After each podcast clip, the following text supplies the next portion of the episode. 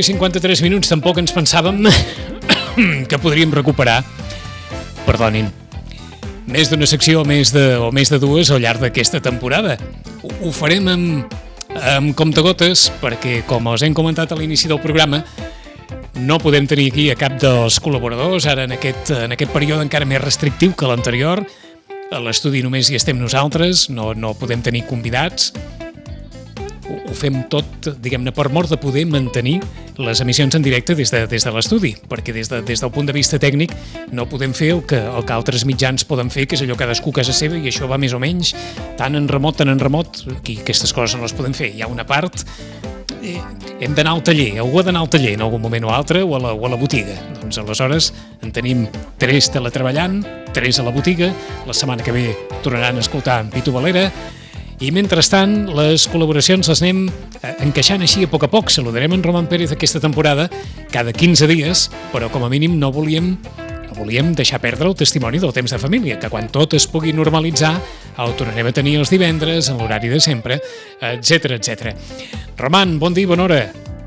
Hola, bon dia, Vicenç. I, i ben, ben retrobats. Ben retrobats. És clar, anava a dir des del Centre de Reeducació de Vit, però suposo, suposo, suposo que tot això ara deu ser bastant difícil des del punt de vista de, de l'atenció a, a les persones que necessitin un assessorament i que, que aquesta atenció no pugui ser presencial, que hagi de ser d'una altra forma. No, no sé si això ha demanat també canviar processos, maneres de fer, etc. Absolutament, absolutament bueno, un, com, com passa a la ràdio, com passa eh, en tots els eh, àmbits de la vida social, estem, tot està travessat per el, per el virus i per la política sanitària, com, com no pot ser d'una altra manera, no? Uh, però, a veure, en, en el cas nostre, eh, nosaltres sí que continuem fent presencial, sempre, uh -huh. sempre, sempre que es pugui i, i amb totes les, les garanties d'això, de ventilació, mascaretes, sabons, i eh, bueno, els nens ho tenen força, força incorporat. Eh, potser són els que més ràpid s'adapten a aquestes coses i els adults eh, ens costa més, no? Anem més... se'ns fa, se fa més, una mica més lento. I, eh, I això que feia quatre dies, que suposadament molts s'interpel·laven sobre el fet que els nens i les nenes bé que no ho podrien aguantar això, que seria massa per ells, a l'inici del curs escolar, que, que ja ho veuràs, que la canalla, que etc. I resulta que al final els nens i les nenes donen lliçons a tothom de com mantenir un cert estoicisme amb la mascareta i com complir i com assumir les responsabilitats, etc etc. eh? Sí, Sí, sí, fr francament sí, sí. Jo moltes vegades li pregunto, bueno, i, i què amb la mascareta? Diu, ah, bé, bé, no? Ja. com, si, com si tal cosa. Ara, és cert que també els que els, els nens no és que no s'afectin, eh? és a dir, tots aquests, aquest curs passat que um, se'n va anar quasi no? una, una tercera part del curs pràcticament a Norris, aquest començament amb més garanties, eh, el qual també és molt important perquè amb tan poques certeses com tenim, que diríem que les autoritats hagin proposat eh, mantenir eh, l'activitat escolar eh, eh, i, i dels instituts, és un gran què, eh, uh mhm. -huh. perquè els que els repercuteix fonamentalment totes, totes aquestes situacions és en els pares. Eh? Són, són els pares els que, si els nens no fan extraescolars, han de reorganitzar-se per a poder, diríem, sostenir l'ordenament familiar. Eh, són els pares els que, diríem, també s'amoïnen pels seus fills. Normalment els nens no estan gaire espantats. Eh? Però amb aquesta, amb aquesta qüestió tan infantil d'incorporar les coses com si com, com si tal cosa. Està no? clar. Com, com, eh. Um, els pares, i hem volgut començar pels pares, mm. són aquesta balda de la cadena que, que viuen, tothom ho està vivint d'una manera o d'una altra, eh? però segurament mm. els pares s'estan preocupant pels seus pares, s'estan preocupant pels fills, s'estan preocupant per la seva pròpia vida, en referència a la feina, en referència a la possibilitat de, de, de reconduir situacions que poden ser molt dures, de perdre la feina, d'estar en un ERTO, o sigui que sobre els pares o sobre la parella recau ara un, una càrrega molt, molt feixuga, la de pensar en els pares, la de pensar en els fills, la de pensar en el manteniment de, de la família, de, de la casa, amb totes les circumstàncies que estem vivint. Sí, sí, i, per, i, i afegir, per exemple, el teletreball, que també a efectes familiars és un altre, un altre enrenou. Sí. No? És a dir, eh, sí, sí, certament, certament tot, tot atravessat, i els pares, mmm, pals de paller de la família, eh, perquè també és interessant veure, mira, nosaltres que tenim aquest espai i que portem tants anys parlant de, de, del temps de família, sí. Resulta que el temps de família no passa mai, no? Mm. portem 20, 20 i pico d'anys i, i continuen passant coses en relació a la família i en tota, per exemple, en tot el confinament, la família ha estat l'element central, no? És a dir, on, on et confines? Mm, amb la família, mm. eh? però, però no només els infants, és a dir, bueno, confines a casa, que és, diríem, la, no? la, la seu domèstica. I, no? estiguis, eh, I estiguis bé o malament amb la família, et confines a casa. sí, sí, no, no, a veure, tot una prova, i el que passa és que també s'està fent llarg, no? És a dir, del confinament dur a domiciliari, a, bueno, l'estiu, que ha estat potser inclús una mica excessiu, sembla que en termes epidemiològics, no? que ha sigut massa ràpid, i ara tornem amb les noves formes de, de confinament, eh, que, que ens, van, ens van marcant, no? I, i són molts mesos. Eh, és que mesos. et anava a preguntar si tu també notes el que ens sembla que està notant tothom, que és un cansament generalitzat. Una, un, es, un esgotament emocional. Sí, sí, sí. Eh, bueno, això introdueix, òbviament, una tensió important, no? un element de, de preocupació, de patiment, com deies tu, els pares, respecte als propis pares, respecte als fills.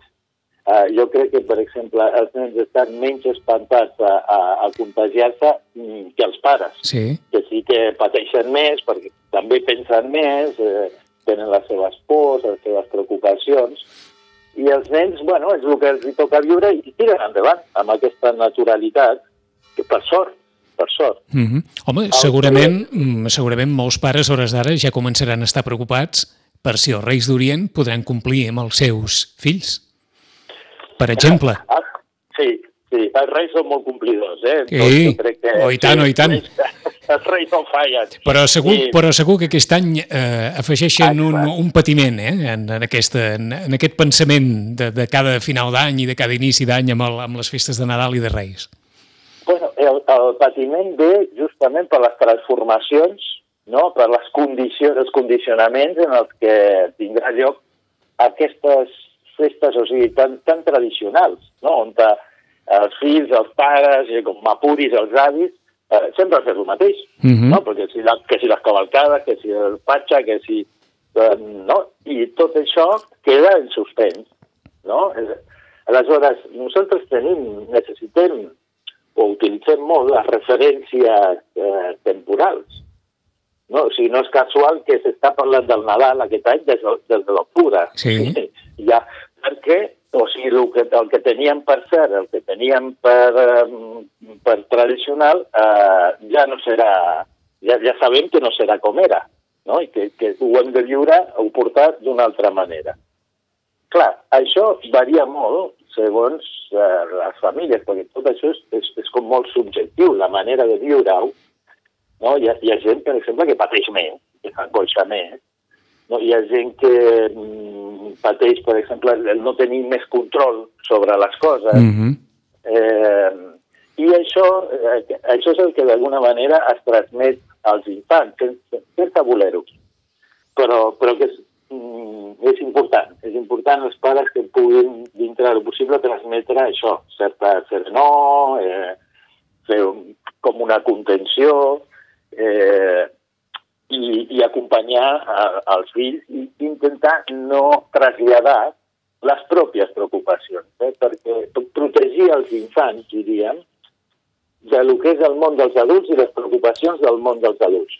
Alguna cosa es traslladarà Mhm. normalment, no? Però no és per posar-los davant del, del telenotícies ni per tenir-los eh, allà fent grans eh, exposicions respecte a l'afectació de la pandèmia, eh, perquè, perquè ells tampoc no fan res d'això. O Oh. sigui que és més, més Oh. acompanyar-los i, i, i ajudar-los també a que aprenguin a cuidar-se i a protegir-se que no pas a, a, a fer-los grans dissertacions sobre el tema. Però, és clar també és un moment especialment difícil, perquè cada dia, cada hora, a part no hi ha activitats que es puguin compartir, la majoria a casa, restriccions de tota mena, perquè cada dia no fem altra cosa que recordar-nos que no podem fer, que no podem fer, que no podem fer, que no podem fer.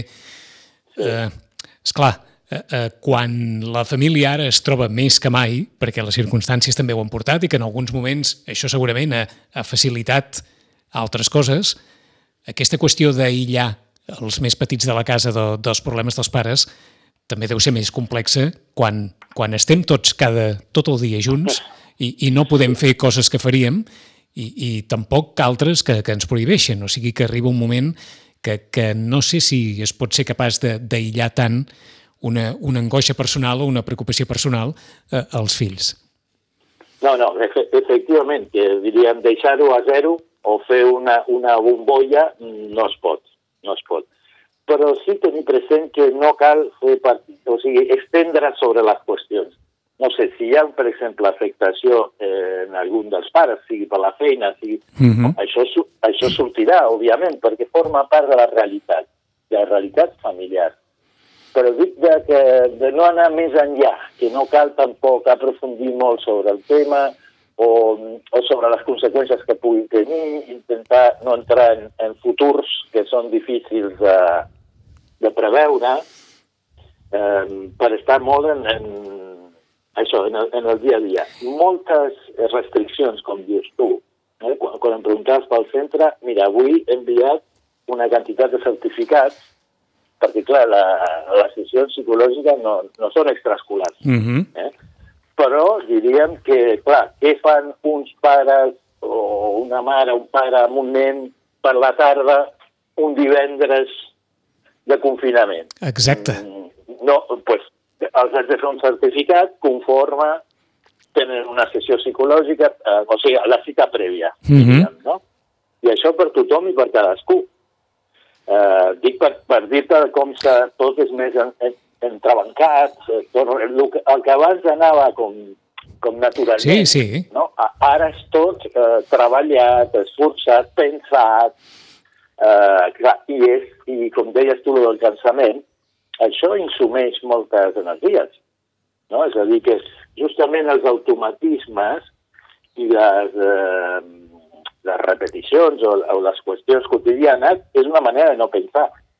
No? Ja, Mm. ja les coses les vas fent. Sí, sí, surten, eh, surten ja. Mhm. Surten soles, exacte. I ara, mm, pràcticament res surt sol. Tot, tot s'ha de pensar d'alguna Sí, sí. manera, tot s'ha de tenir en compte. me- Més aviat al revés, eh? Tot necessita de, de permisos, de processos, de, de 50.000 petites coses que s'han de complir per poder-se executar. I això, i, i, i això, vaja, eh, esgota qualsevol, estigui, estigui millor o, o estigui pitjor. Et anava a preguntar, en aquests minuts eh, finals, qui protegeix els pares? A veure, eh, justament, no? El pare, els pares són adults mm? I, i, i es protegeix cadascú.